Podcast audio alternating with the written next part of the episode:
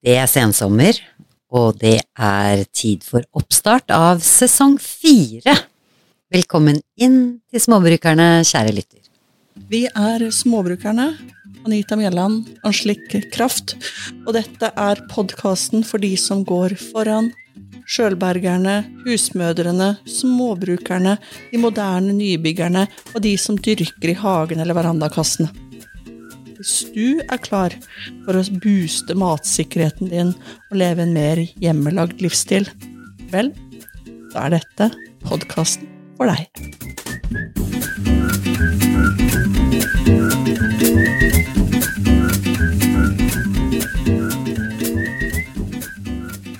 Og da er vi tilbake i dette hyggelige podkaststudioet vårt som er eh, uthuset ditt, Anita. Og med døren oppe og deilig temperatur og klare for å egentlig finne på ganske mye nytt og uprøvd. Alltid nytt og uprøvd, og det er jo sånn at eh, det er Liv er jo godt når de kan synge ut at det er sommer, det er sol, og det er torsdag. Ikke sant? Ikke sant? Ja, det er, eh, det er fortsatt sommer, så selv om vi er inne i en ny sesong, sesong fire, tenk det! Deilig. Ah, ja, ja, ja. Og vi begynner med mye nye, rare ting. Det er det vi skal, men det, det er jo som det pleier å være. Altså, vi eh, Vi vet jo hva vi driver med på eh, sånn på dag til dag basic, men vi har, jo ikke, vi har jo ikke sittet inne de siste to ukene og striglet eh, planen, eller verken laget en ny intro skulle vi lage, den kommer, kjære lyttere. Ja.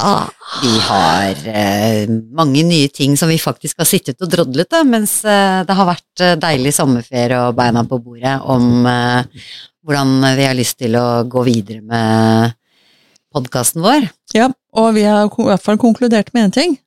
Det har vi. Manus blir det ikke. Det blir det ikke.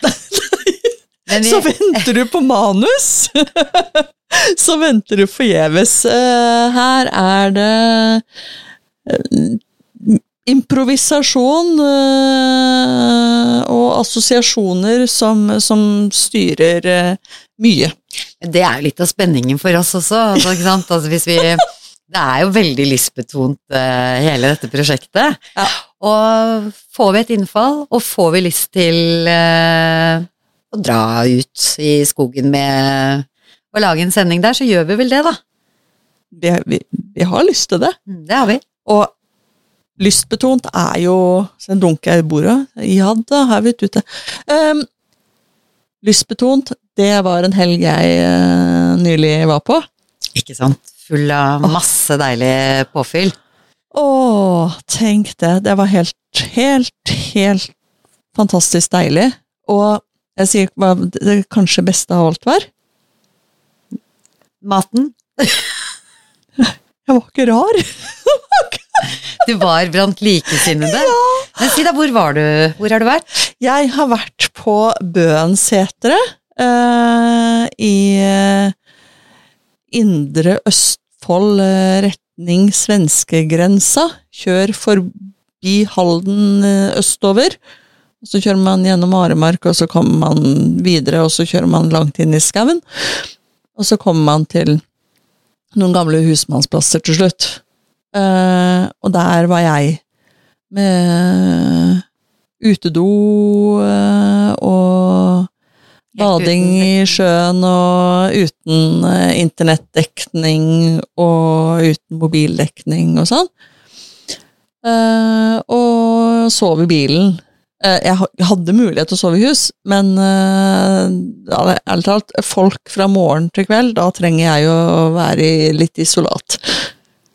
Du, altså for sånne som oss, det høres jo helt nydelig ut å være avkoblet eh, veldig mange ting, og påkoblet med likesinnede. Ja, for det, det, det ble, var jo rett og slett sammen med andre sånne som liker sånne ting som det, som det vi gjør. Jeg var rett og slett på et uh, permakulturkurs, sånn live. Hvordan lever man uh, som permakulturist? Ok, Hva er permakultur, kort fortalt? Kort fortalt, jeg sier noe, det skal jeg egentlig overlate til Hedda Kortnes å fortelle. Ikke sant, fordi hun har jo, uten at hun vet det, fått æren av å være egentlig vår aller første tredje stemme og gjest. Ja, tenk det. Vi begynner nå med gjester. Det er det vi eh, har gledet oss til. Det har vi jo egentlig trua med ganske Ja, ja, lenge. ja. Vi har, vi, vi har, vi har lova på oss gjester som vi ikke har snakka med en gang. Nå kommer de, kjære lyttere, på Ja. løpende bånd. Ja, så jeg tok rett og slett bare med Tok mobilen, og vi gikk inn i bakstehuset. Fantastisk baksthus. Sant? Med flere muligheter for eh, baking, både i åpen ild og i sånn klassisk bakrom, og, og en sånn ja eh, svartom og ja. Og der var og Der sperrer vi oss inne, og så hadde, vi en, hadde jeg en prat med Hedda eh, om permakultur og hennes vei inn i det fra det konvensjonelle, industrielle landbruket. Og hun har avla opp sånn type halv million julestjerner og sånt, og industriell produksjon av tomater, og stått med sånne drakter og maske og sånn, og spraya på ting. Til da, og nå hun og mannen, de lever jo på, på, på disse gamle husmannsplassene i Indre Østfold. Og bare blitt helt omvendt, egentlig. Eller om, eh, gått over til eh, tilbake. Nei, skal vi kalle det det? Egentlig tilbake til eh, litt sånn å dyrke jord. Ja. Og dyrke i jord som ikke er gjødsla og eh, Sprøyta og tenker helhet og bruker ikke drikkevann til å vanne med. Bruker vann fra tjernet til å vanne med. For å bruke drikkevann til sånt, det er jo egentlig helt håpløst. Du, Det kommer vi også inn på i denne samtalen, som dere snart skal få høre. Jeg gleder meg virkelig til, fordi det er jo, ikke sant, som du sier, hun har jo, hun har jo vært jordbruker i mange, mange år, og så litt eh, Har du spurt henne om eh, hvorfor hun tok det valget? Ja, det får vi høre, hun da. forteller om ja, det. forteller om Ja, det. Ja, det skal bli spennende. Ja, det, blir, det, det var en ordentlig hyggelig prat. Eh, Vi, vi prata i nærmere 40 minutter, så kos dere. Eh, Så da, da tuner vi rett og slett inn på, på det intervjuet. Eh, Og så Hedda prates vi igjen etterpå. mm, Bønsetre. På Bønsetre, ja. Hedda, du, nå har vi hengt sammen her på Bønsetere siden fredag morgen. Og det har vært utrolig, utrolig behagelig. Så flott at du sier det. og lærerikt. Og så så deilig å være sammen med andre som eh, litt, tenker litt i samme baner, eh, baner som en selv. Mhm. Men, men du er jo dreven i dette her. Du er jo sånn permakulturlærer, mentor, og du har jo drevet her på Bønseter i mange år nå, i to perioder, og du har også drevet innenfor industrielt eh, landbruk. Ja, det stemmer. Så jeg har jo min eh, oppvekst i Lier, eh, som er et stort landbruksområde med mye industrielt eh, Industriell grønnsak- og fruktproduksjon, eh, blomster.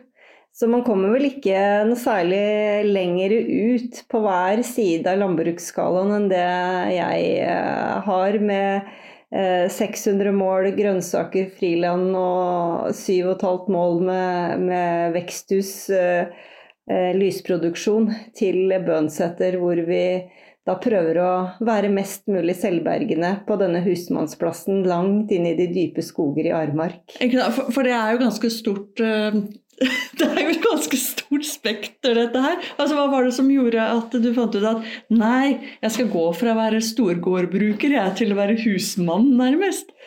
Veit du hva, egentlig, jeg pleier jo ofte å, å starte med den der eh, historien på eh, eventyret eh, Bønseter. Og hvordan vi egentlig havna her, var jo i 1999 hvor vi hadde to små barn. Eh, mannen min eh, jobba på Landbrukshøgskolen og hadde halvannen time én vei på jobb. Og jeg eh, hadde 50 polakker i arbeid, i tillegg til at jeg underviste i bevegelighetstrening og dans på kveldstid. Og jeg kom hjem eh, sent en kveld, og eh, mannen min Egil spurte hva er egentlig meningen med liv og barn, når vi nesten aldri får være sammen og ha de sammen med oss? Skal vi ikke bare gjøre en liten timeout og eh, reise og være sammen? Ja. Så hadde han sett eh, annonser i Bondeblad. Mhm. -hmm. så han ga meg to alternativer. Det var en fjellgård oppe i Gudbrandsdalen. Okay. Og så var det eh, Aremark kommune som da søkte vertskap på Bønseter husmannsplass. Ja. Eh, jeg visste faktisk egentlig ikke helt hvor Aremark var en eh, gang. Det er jo en av eh, Norges minste kommuner. Ligger helt innav svenskegrensen. Jeg måtte vel strengt tatt uh, gå inn på Google Maps når jeg skulle finne ut hvor jeg skulle hen den helga. ja. uh, så eh, jeg var ikke så veldig interessert egentlig i noen av de alternativene han kom med. Men så fikk jeg jo uh, sovet på det litt, og dagen etterpå så sa jeg du, dere der hva er det det er egentlig? Jo, det var en, eh, et levende museum, eh, husmannsplass, som da var eid av det offentlige, og de eh, trengte et vertskap som eh, skulle vise hvordan eh, en husmann, eh, som veldig mange av oss kanskje stammer fra mm -hmm. Husmannsvesenet var jo stort på 1700- og 1800-tallet i Mm. Norge.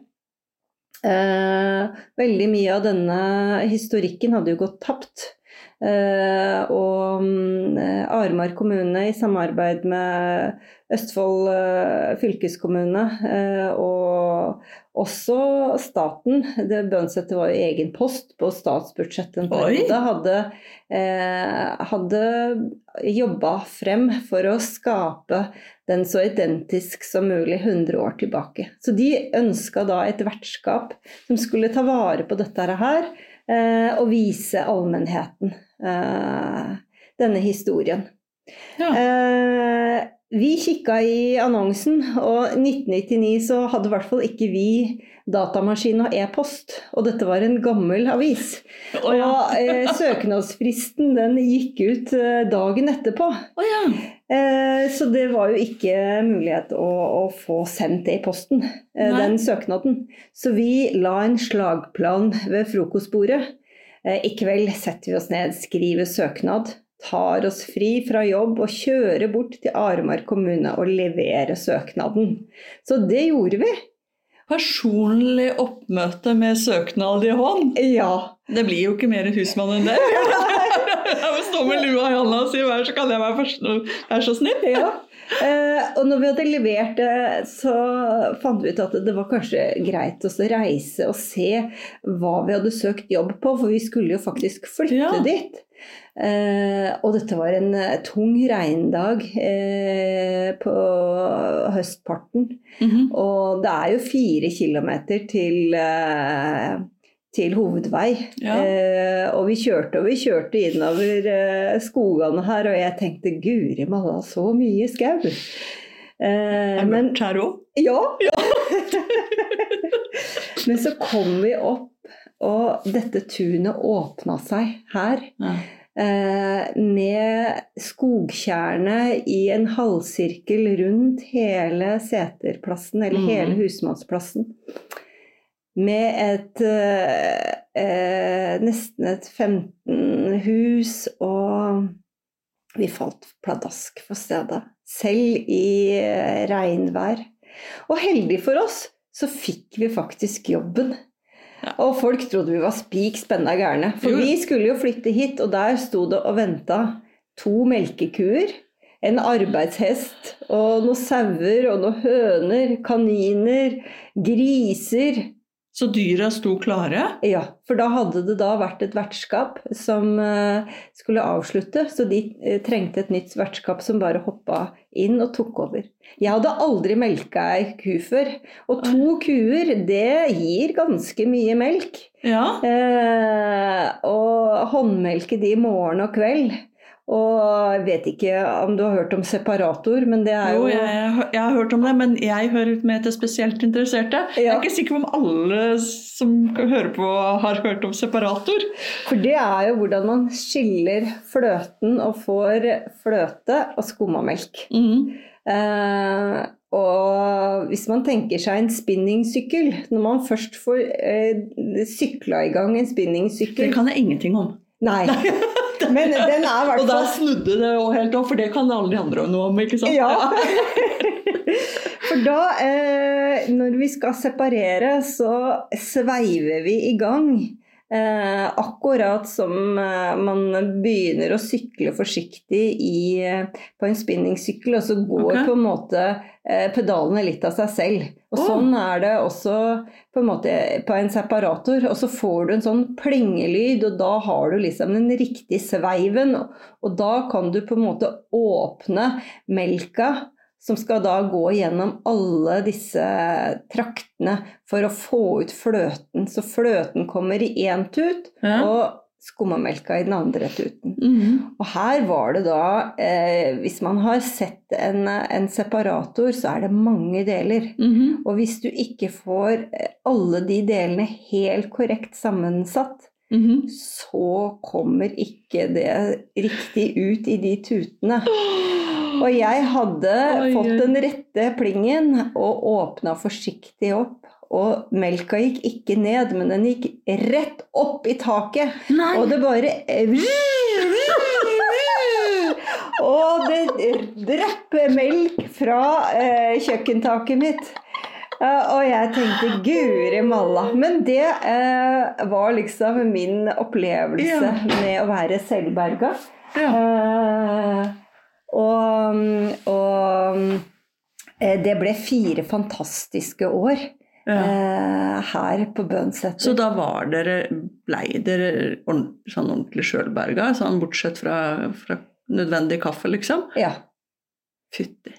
Eh, så vi slakta selv, eh, Ja. og vår oppgave var jo da å eh, vise eh, for grupper som kom hit, skoleklasser, firmaer, eh, private, mm. hvordan man bodde og levde Mhm. 100 år tilbake, med dyr i pakt med naturen.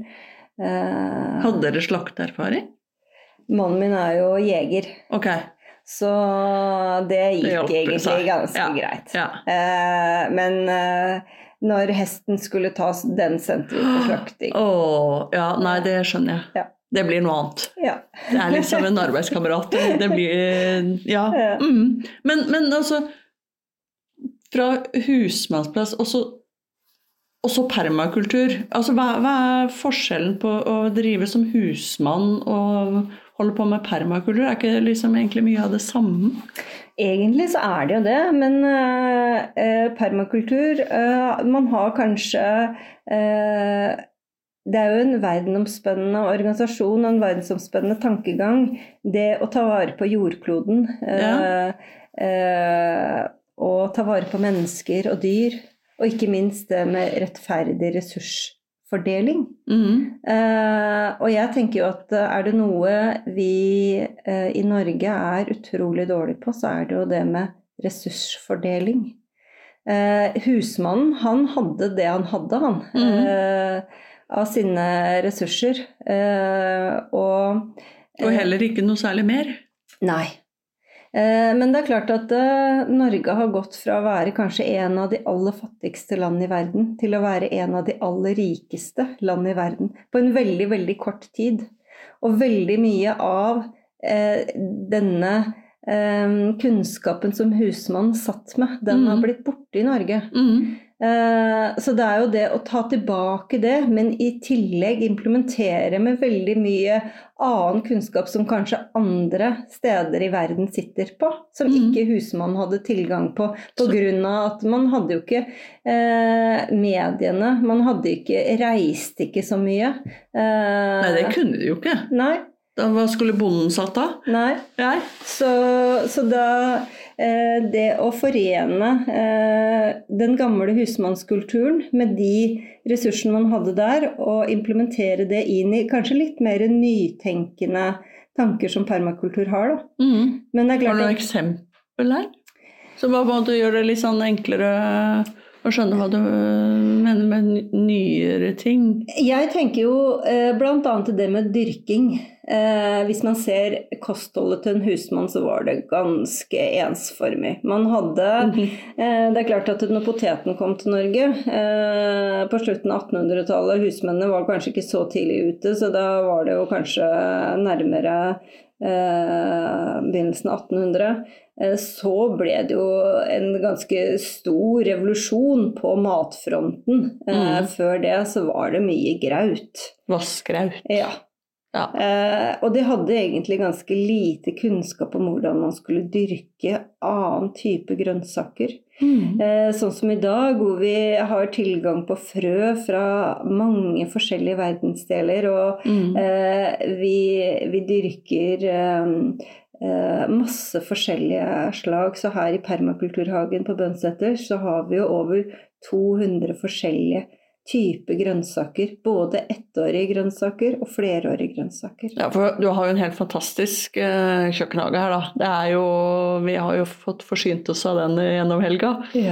Eh, og den er eh, Det er mer bugnende enn det noen andre har. Enkelte andre. Men det Vil ikke jo si høyt, men jeg prøver å late som jeg er god til dette her.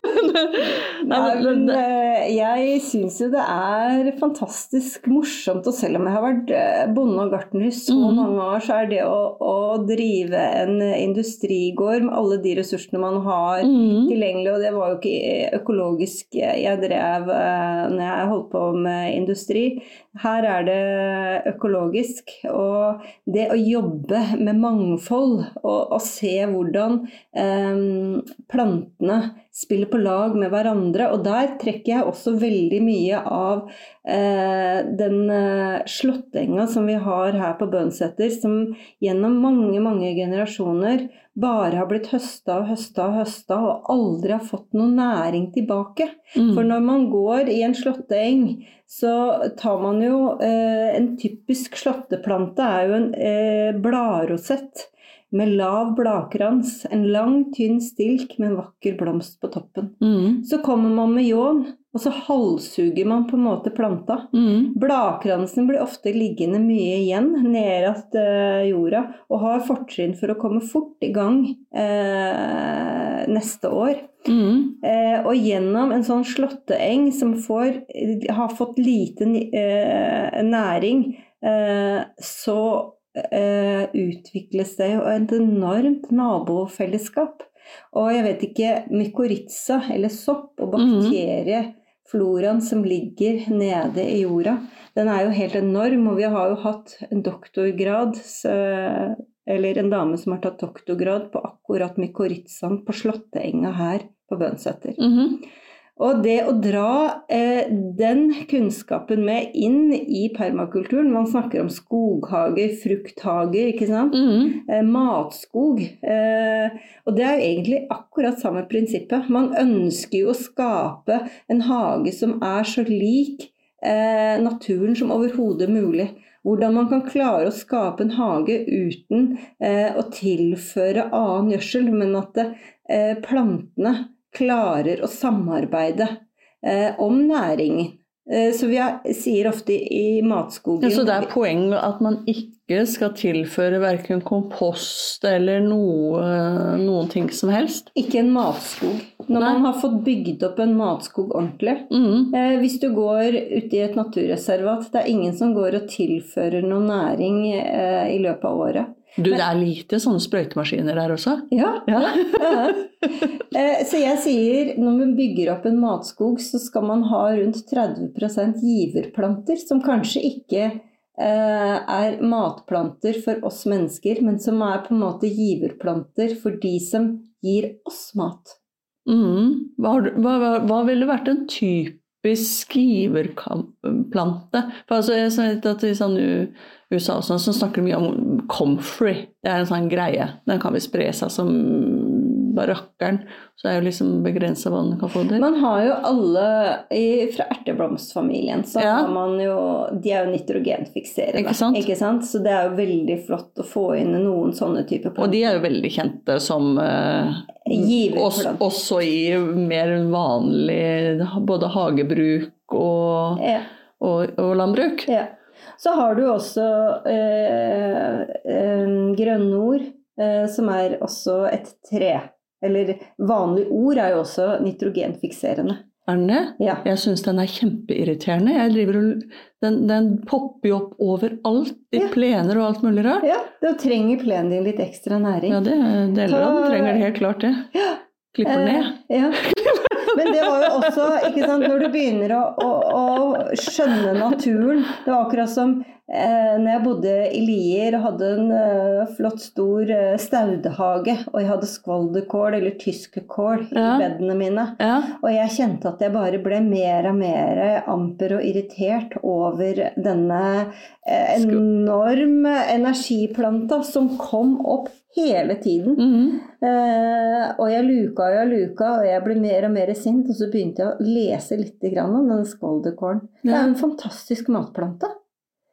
Jeg syns den er god. Ja, veit du hva? At vi har faktisk ikke skålkål på Bønseter. Det- Jeg vurderte en liten periode om jeg kanskje skulle ta med en liten rot. Nei, nei, Men det har jeg ikke gjort, for at nå har jeg fått meg veldig gode naboer i Armark. Mye bedre. Ja, Ja. kommer til naboer, og så eh, luker jeg. Eh, for skåldekål er jo i stedet for selleri.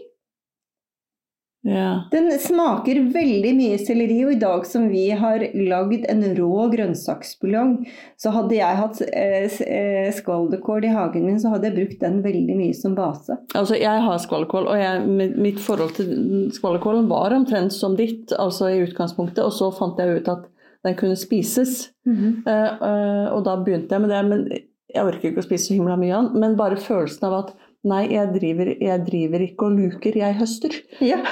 Det føles bedre. Ja. Og så når jeg klipper den ned, så er det, ja, men det er fordi det skal komme nye skudd. Ja. Og da livet er litt bedre, da. ja. Den er lett, lettere å ha med å gjøre. Ja. Men jeg klarer ikke å spise så mye skålerkål som jeg har, altså.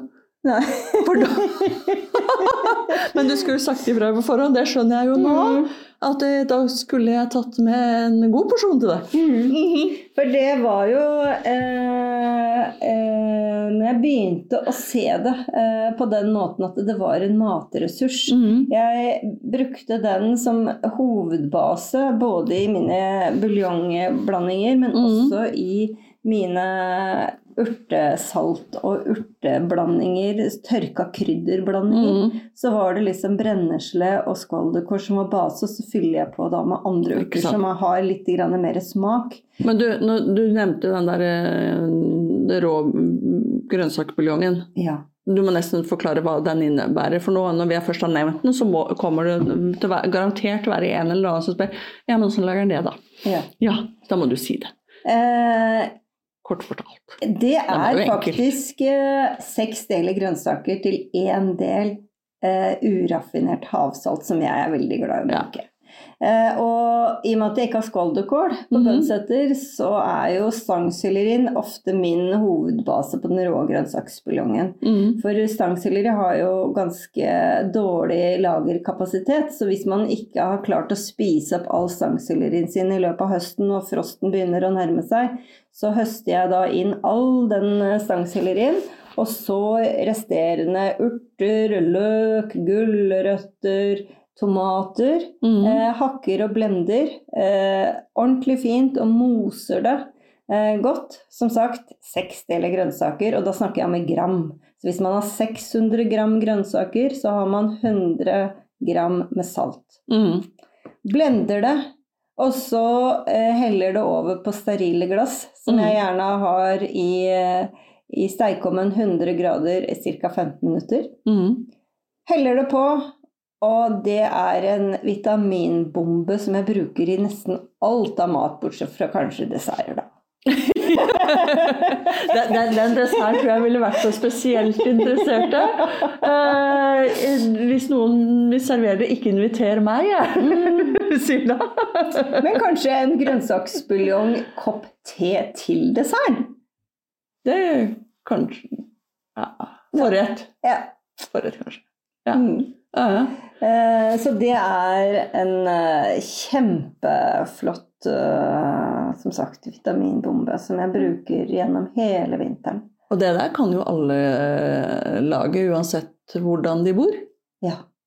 Og da kan du til og med gjøre naboen en tjeneste Mm. med å hogge ned skvallerkålen og så lage lager. Ja, ikke Ja. sant? Og det var jo sånn det var for meg i Lier òg. Ikke sant? jeg eh, luka skvalderkålen, jeg fikk bøy og tøy og frisk luft, flotte bed, tok det med inn i kjøkkenet og lagde nydelige matretter. Ba naboer og venner og kjente på Mhm. gode middager, og de kom og skrøyt av hagen min og nydelig mat. Så det var liksom vinn-vinn i alle bauger og kanter. Mm. Men altså, hvis det er noen som er nysgjerrig på, på, på permakultur, sånn utover det som vi, vi har snakka litt om nå, og som og jeg har snakka litt om før, eh, hva, hva kan de gjøre for noe? Hvis de har lyst til å kanskje vurdere å bli Jeg vil bli permakulturist. Jeg tenker jo det å melde seg inn i Norsk permakulturforening er eh, veldig flott.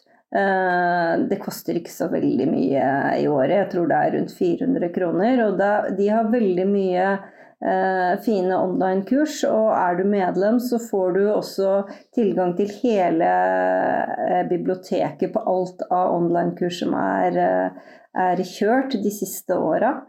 Eh, og jeg tenker jo det der med permakultur, det er jo ikke bare å dyrke, men det er hele livssettet ditt. Um, og jeg pleier ofte Åssen da? Uh, Hvor mange uh, jordkloder forbruker vi nordmenn per år? Det er en del. Ja. Ja. Uh, og hvor kommer de klærne du har på deg i dag fra? Det vil jeg ikke si høyt engang. Eh, når du er eh, lager deg en uh, tallerken med mat og ser ned på tallerkenen din, hvor kommer den maten du har lagd eller fått servert fra? Ja, da, min er ikke så verst. Den kommer mye fra hagen. Ja, og Ja. det er kjempebra, men Og- det er ikke så ofte. Men ikke alt. Ikke alt. Og ikke alltid. Det hender at det, slenger inn eh, noe som ikke akkurat er lojalt. Ja. Og når jeg tenker liksom De tre prinsippene i permakultur, ta vare på jordkloden. Hvor Mhm. mange jordkloder forbruker vi? Ta vare på mennesker og dyr der vi bor. Ikke sant? Den er jo veldig viktig, den også. Ja. Eh, implementer mennesker inn eh, i din, ditt liv, Mm. din hverdag. Kan vi tenke på det litt sånn bygge lokalsamfunn? At det kan være en del av eh, permakulturen? At måte Ja. man deltar som en sånn positiv aktør i lokalsamfunnet? ja. Ja. Eh, og få implementert, eh, samla eh, alle. Eh, og ikke minst også det med ressursfordelinger. Mm. Hva tenker du spesifikt på da? Altså, hva, hva gjør du? Eh, nei, jeg er jo veldig opptatt av den maten jeg spiser. Eh, og ser, eh, som jeg sa, ser med glede ned på tallerkenen min uh, at hovedsakelig alt vet jeg hvor kommer fra. Mm. Um, og det med klær og bruk og kast-samfunn Mm. Vi lever jo i et forferdelig bruk og kast-samfunn. Veldig. Ja. Det å kunne bruke Finn Mm. eh, og kjøpe brukte ting. Mm. Eh, og ikke minst det med lokale produkter. Om Mm. det ikke er mat, så andre lokale ting. eh, bruke Skal du eh, snekre noe, eller skal du gjøre noe nytt? Prøv å bruke lokale ting. Mm. Så mye som mulig. Det lokale kretsløpet. Se inn i livets sirkel, og hvordan alt henger sammen. Mm. Og når man også snakker om permakultur, hvis man skal implementere en ny ting inn i livet sitt, så skal det ha minimum tre funksjoner. Ok. Hva, hvilke tre funksjoner? Nei, det kommer jo helt an på Jeg kan ta et lite eksempel. Vi skulle Ja. kjøpe kaniner. Ja. Og så var det sånn Ja, hvorfor vil vi ha kaniner? Eh, jo, kaniner er veldig koselig å kose med. Ja. Eh, men det er faktisk eh, det dyret som eh, produserer raskest kjøtt. ja. De, de er eh, Formerer seg jo som formerer seg veldig raskt. Ja. Eh, og så em, begynte vi å bygge sånne eh, bur som eh, var flyttbare, akkurat som trillebårer. Så de mm. hadde sånne der sommerresidenser. Og vi trilla denne rundt i hagen, og de klipte gresset.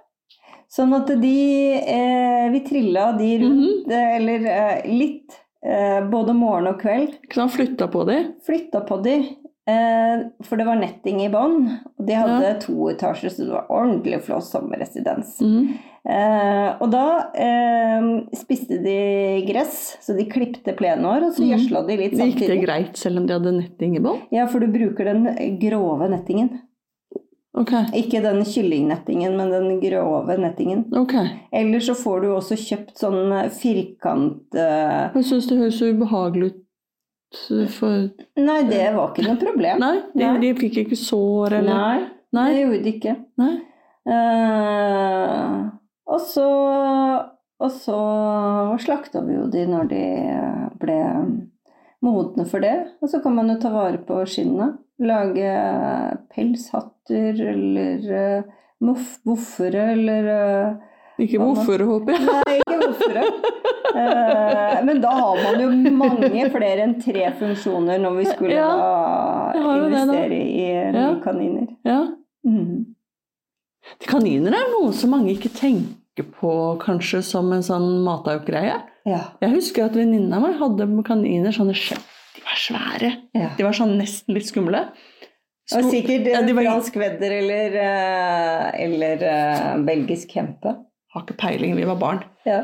Uh, gikk i småskolen, liksom. Sånn, det, det, det husker jeg. Og, og så for meg, da, som da i sånn seks til åtte års alder, så var de jo digre. Mm. Jeg er ikke sikkert de var så digre som jeg husker de. Nei. For jeg husker de jo som sånn, nesten sånn kjempekalkuner. Ja, ja, Men, men de hadde jo det, og de hadde de til middag. Ja, ja. Husker du det.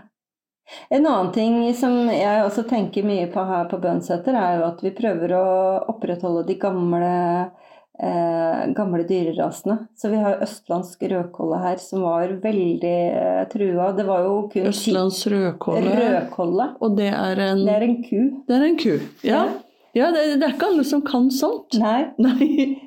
Eh, men det var faktisk hovedkurasen her eh, på Østlandet. Eh, Ah. Og det var på 80-tallet bare ti individer igjen i hele, av hele rasen. Det er litt sånn som telemarkskua, Ja, som også var ut, utrydningstrua, rett og slett. ja. Til det var noen entusiaster som fant ut at dette må vi gjøre noe med. Og det er jo en uh, kurase som utnytter seg mye bedre av det beitet vi har her. Ja. Eh, vi har jo gammelnorsk spælsau. Mm. Eh, vi har gjærhøner og islandshøner. Eh, og vi hadde trønderkanin i fjor. Ok. Mm. Og det er jo også alle disse er gamle raser. Ah, Eh, norske, gamle raser. ikke sant. Som eh, ofte det er mye mindre sykdom på, de klarer fødslene mye bedre. Eh, de klarer seg mye mer med fôr som er eh, der, der du har de, uten å liksom måtte dytte masse kraftfôr på de. Ja, for det, det, det, det er noe jeg har lurt litt på. Eller ganske mye. Og det er jo liksom De hadde jo ikke kraftfôr før i tida, men de hadde jo høner og kyr og sauer og sånt da også. Og de ble jo spist etter hvert. De ga både melk og egg og, og, og ble spist. Så, så, men, men, da er det rett og slett man må til, til, de gamle rasene for at det skal fungere, da, eller? Det skal ikke jeg si for mye om, eh, for det har jeg ikke kunnskap om. Men jeg ser i hvert fall at eh, de gamle rasene klarer å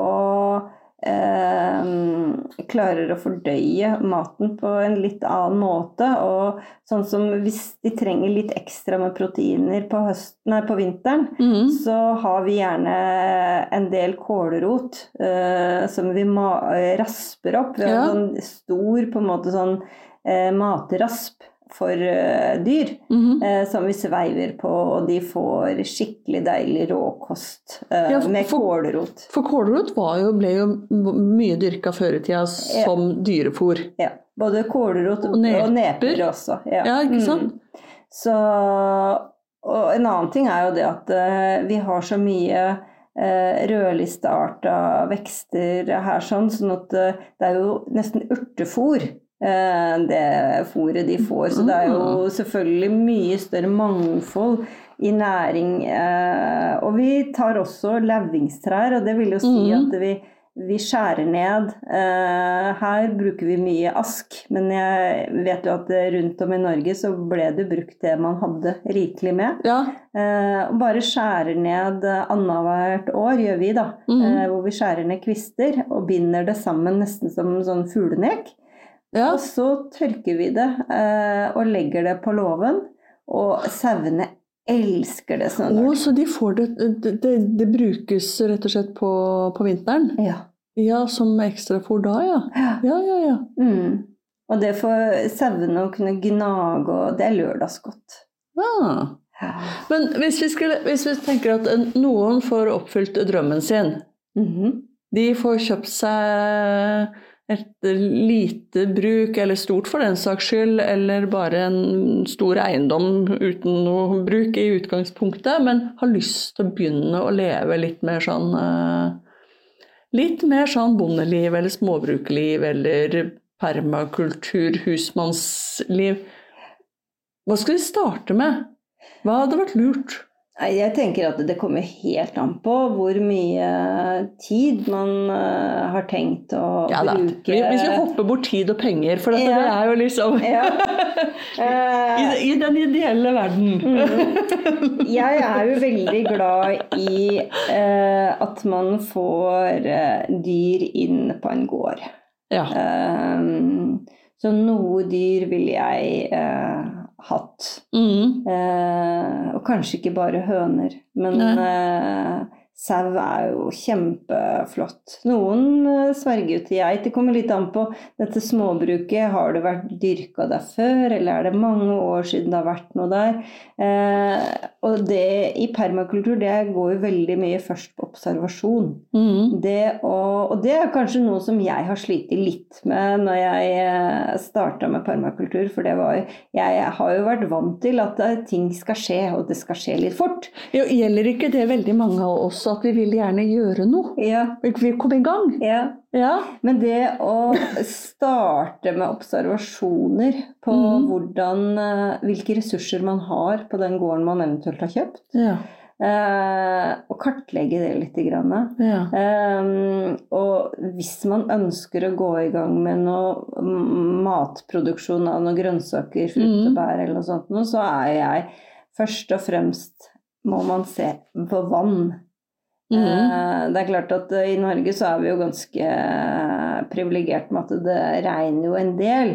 Men allikevel så er det greit å ha en liten formening om vann uten at man skal bruke drikkevannet vårt. Mm. For jeg liker å også forklare liksom ting litt sånn i bilder. Og hvis man tar en stor beholder på 2,2 liter vann så er det alt det vi har tilgjengelig av både saltvann ferskvann i hele verden. Så tar jeg én skje opp fra den beholderen på 2,2 mm. liter. Mm -hmm. Det er det vi har av ferskvann tilgjengelig i verden, og resten av den beholderen er saltvann. Ikke sant.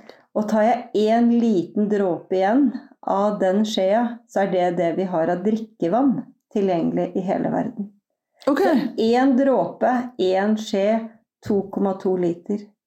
Og enda så flusher vi doene Ja, for det var sånn med rent vann. Vi vanner grønnsakene våre med rent vann. Vi vasker bilene våre med rent vann. Vi høytrykksspyler asfalt. Ja. Ja, det, nå, Mm. jeg har sett folk gjøre det. Her på Bønseter bruker vi aldri vårt drikkevann til å vanne grønnsaker. Eller bed i hager. Ikke sant? Eh, det er jeg veldig klar på. Mm. Så finn, fin, Finn vann. Vannressurser. Mm. Hvor kan du, om du ikke har noe dam eller elv eller bekk, hvordan kan du samle vann fra tak, f.eks.? Mm. Eh, og så eh, går det jo det med hvor enn i landet er det du bor. Man Mhm. kan ikke dyrke hva som helst overalt. Nei.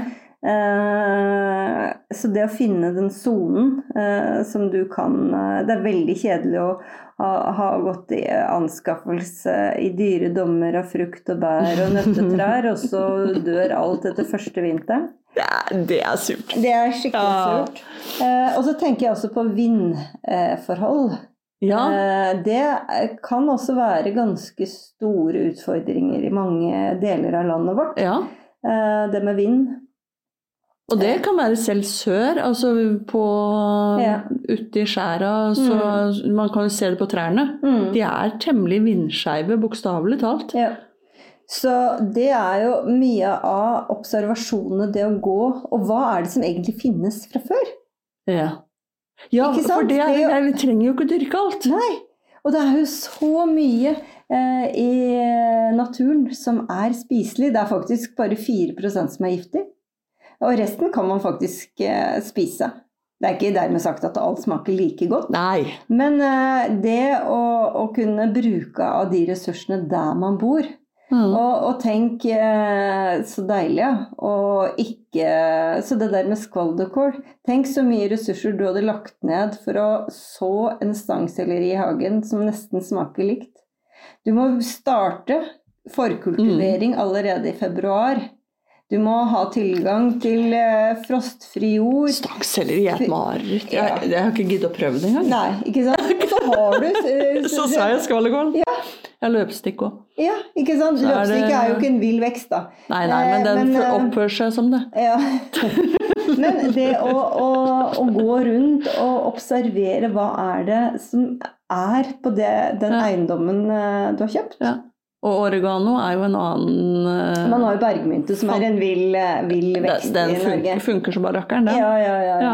Eh, så jeg tenker at det er litt starten, Mm, og så bygger man ut derfra. ikke sant. Du, det der syns jeg var en, en god avslutning. Man kan egentlig starte med å være litt lat. Man kan sitte og tusle rundt og bare kikke på ting, Ja. og, så, og så spise seg gjennom det som er der. Ja. Og så se hva man trenger å supplere med. Ja, ikke sant? Ja. Og så kan man tenke seg litt grann, hva er det egentlig jeg liker? For det er ikke noe vits i å så masse gresskar hvis man egentlig hater gresskar. Bare tull. Hva er det jeg liker, hva er det jeg liker å spise? Ja, og da håper vi bare på at svaret ikke er 'jeg liker egentlig bare Nugatti og Grandiosa', for da har du et problem. Men gran, nei, Nugatti, det er jo Det skal jo egentlig ganske mye nøtter i Nugatti, da. Jeg har lagd eh, hjemmelagd Nutella, jeg. Ja. Aha. ja. Den er ganske god, den. Åh. Ja, ja, ja. Jeg har heller fordelt den oppskriften der òg, da. Ja. Ja. Eh, Nei, men supert. Tusen takk, Hedda. Eh, Og prater vi kjempelenge. Jeg lova egentlig at vi skulle prate veldig kort, og så skulle jeg av gårde, for jeg skulle rekke ferje og full pakke.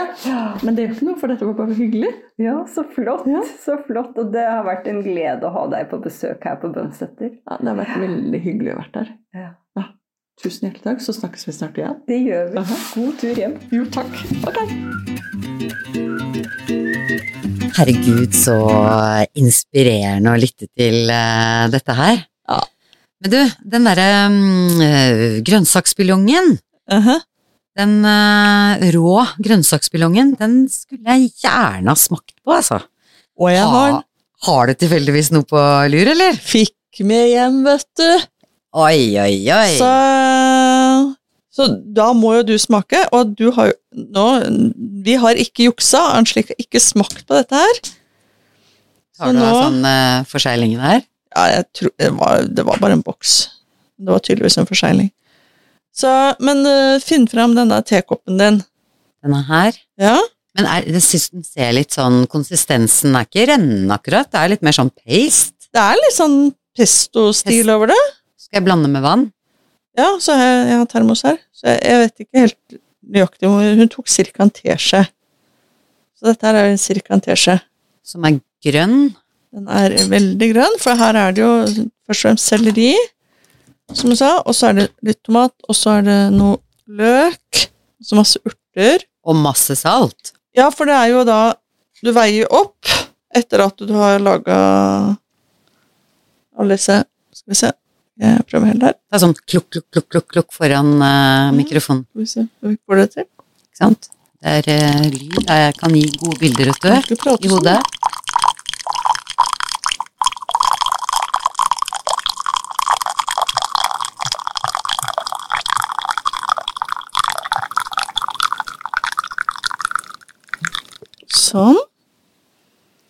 Da kan du røre. Kan du røre nær i mikrofonen, da? Så er det sånn artig rørelyder. Når vi først er der. Men ikke sant, og det er jo det som blir så gøy. Altså når man, da snakker vi virkelig om fra bunnen av, da. Ja. Alt man bruker buljong til, og mer til, egentlig. En Og, her også, og, det, og dette her er jo ikke fermentering. Som vi, eh, jeg måtte jo høre litt med henne hva forskjellen på dette her var og fermentering. Fermentering er mye mindre salt. Dette er ren konservering. Deilig. Var den god? Jeg kunne hatt den til og med litt sterkere òg, men, jeg, den, Ja, men du den, kan få mer. ja, kan jeg få litt til? Selvfølgelig. Fordi kjøre på. Den, altså, Du er jo sånn buljongdrikker. ja, men det, du, det smaker um, uh, Det smaker uh, grønnsaker. Det er jo nesten som en suppe. Ja. Så god. Jeg kunne bare ha Ja, det er jo en det er jo suppebase også, dette her. Ja, og dette her Oi. varer jo gørrelenge fordi at det er så mye salt i. Og du må tenke på, hvis du tenker på en buljongterning, så er jo den også veldig salt. Det er den jo. Eh, Så dette her kan jo brukes som, som et slags øh, grønnsakssalt øh, også. Vet du hva? Den var helt nydelig. Den må du Ja, den må jeg få oppskriften på. Men det er ikke oppskrift. Det er mest av selleri, eller, som, jeg som da sier, bruk skvallerkålen, for den smaker nesten som selleri, mener hun. Jeg er ikke helt enig, eh, men, men jeg har tenkt å raide den derre eh, skvallerkålen min. Til våren? Nei, nå! Nå, ja. ja, Ja, for- ja, ja, ja. du, det har du. Det er fortsatt sommer. du som snakker om at den er best når den er ung og ny. Jo, jo, jo, men altså, det slås jo ned, og så kommer det opp nytt. Det blir ikke kvitt det så lett. Ja, for dette her skal du ha litt da, eller? Ja, må jo prøve det. Må jo prøve det. Må jo prøve å se om at dette kan være en sånn ting kan implementere. Ok, mest av selleri. Mest av selleri eller skvallerkål. Mhm. Jeg tror vi skal slå slag for skvallerkål. Ja, stangselleri er jo herk å dyrke. Ja. Du må liksom begynne for, og så frøene tidlig i februar, og så må du dulle med de, og de tar jo en evighet. Men skvallerkål Funker like bra som selleri, enda så sterk smak det er på Ja. selleri. Og har du ikke skvallerkål, vet du, så kan du gjøre, gjøre deg til verdens beste nabo. Går du til naboen beste Skal jeg luke litt hos deg? Jeg tar skvallerkålen din? Alle kommer til å elske deg. Eh, sånn at, så, så skvallerkål, eh, og så løk. Og så noe tomat. Jeg sitter og skriver, jeg nå. Mm. Selleri Og så gjerne gulrot. Var også en greie. Det hadde vi ikke denne her. Nei. For det, akkurat, det var ikke blitt høsta noen gulrøtter. Men en gulrot kan også gjerne være i. Og det er jo den hel, liksom klassiske treenigheten for en uh, suppebase. er jo selleri, selleri og løk og gulrot. Ikke sant? Det er jo basisen for, de, for det meste. Uh, og så da den tomaten, og så uh, urter. Og urter, de du er glad i. Timian, Ja, ikke sant? Timian. Vi elsker jo timian. Vi elsker timian. Men hvis man eksempel tenker at jeg, jeg vil ha en som passer fint til fiskeretter, hva med dill? Ja. Ikke sant? Så har du en med en dillbase, og så kan vi ha en med sånn timian rosmarinbase, og da vet du det liksom til kjøttet. Mm. Men du, Og så og det kan brukes i Skal det alt. moses, eller? Finhakkes, eller grovhakkes, da. Mm. Eh, hakkes, og så opp i blender Mhm. for å finmales. Mm. Og så må man veie det og blande det med saltet. Ja, og forholdet med det saltet var Seks til én. seks til én. Ja, og da går det på gram. Veiing er clouet.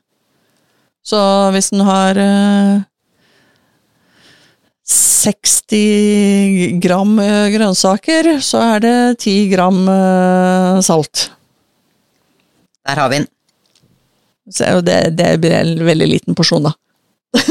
Ja ja, men det er litt sånn bare Ja, så Ja. dobler man opp det. Så seks kilo grønnsaker, ett kilo salt. Og da må man ikke ha sånn med jod eller konserveringsmidler eller antiklumpemidler. Uten jod. Hør, nå er det småbrukeren som snakker her. Ja, ja, ja. Seks kilo? Buljong? Gæren. Var det noe da?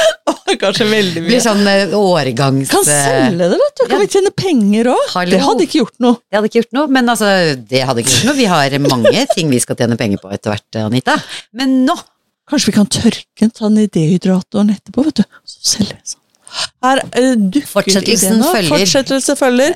Uh, Angelique liker denne råe buljongen, som nå ble varm. Eh, kanskje du gjør det? Og så håper vi du ble inspirert av Hedda og permakulturen. Og vi har bestemt oss for å komme med et lite tips, vi. Har vi ikke det? Det har vi. Et lite tips hver gang. Skal vi mm, ta Hvilken skal vi ta? Oi, ja, tida, ja. Jeg tror vi Nei, tar det, den. nei, må, nei, men den, den, den tida der stemmer ikke helt. nei, det gjør den ikke. Nei, det er fem minutter feil. Nå er dere med på eh, miksebordet her, eh, kjære lyttere. Et lite tips. La oss slutte med det. Nå er vi så ivrige, for endelig er vi i gang. Da tar vi groblad. Gode, gamle groblad. Den som, Eh, ja, Den vokser overalt der er mennesker går. Mm. Eh, Alle oppkjørsler, til og med gjennom asfalt og sånn. Eh, Så er det noen sånne flate, runde, store, eh, store blader. De kan du eh, ta og så får du sår, så bare tar du groblad på. Det ligger litt i navnet, egentlig. Ja, ja, ja. Så gror det fortere. Du kan også lage en salve. Da kan du for eksempel ta en drøss med groblad, og så varmer du opp eh, noe fett, enten kokosfett, selvfølgelig ikke fullt så bærekraftig som vi egentlig vil ha det, så la oss heller ta eh, fett fra svin, altså ister. Det er det det egentlig heter, ikke, sm ikke smult, men ister. Ah, ja. Jeg har lært det i helga. Eller talg kan man bruke også. Da er vi på en måte veldig sånn eh, Grobladsalve er vi på nå. Så lager vi rett og slett en grobladsalve. Eh, Smelter fettet. Grobladene oppi, lar de stå og trekke, trekke en stund. Og så varmer du det opp igjen, og så siler du av grobladene. Og så har du grobladsalve som hvis barna dine eller barnebarna dine eller du selv detter på sykkelen, Gjerne og så skrubber deg litt. Rann, Og kunne bare gå og plakke, liksom ha det som førstehjelpen. Ja. Bare å, au, og så kan du bare hente det bladet, ja. og vite at det har de helende effektene Ja. i seg. Eller så smører du på den salven. Eller så, den har du ikke alltid i lomma. Nei, nei, den kan du ha hjemme. den har du hjemme. Mm. Og alle blir glad hvis de blir smurt litt på, for da blir man litt, får man litt sånn, sånn jeg gjør sånn, gnir litt sånn forsiktig på noe. Da blir, det, det er omtrent som å blåse. Bare det, det å ta på plaster. Ikke sant? Man, da, man blir bra bare av det. Og disse nydelige plantene våre, de har så mange virkeområder. Og du skal få tipsene her hos oss. Ja, Hos så, Ja. ok. Fortsatt god sommer. Høres om en uke. Da ses vi. Nei, da høres vi. Ja. Ha det fint. Ha det. Ha det.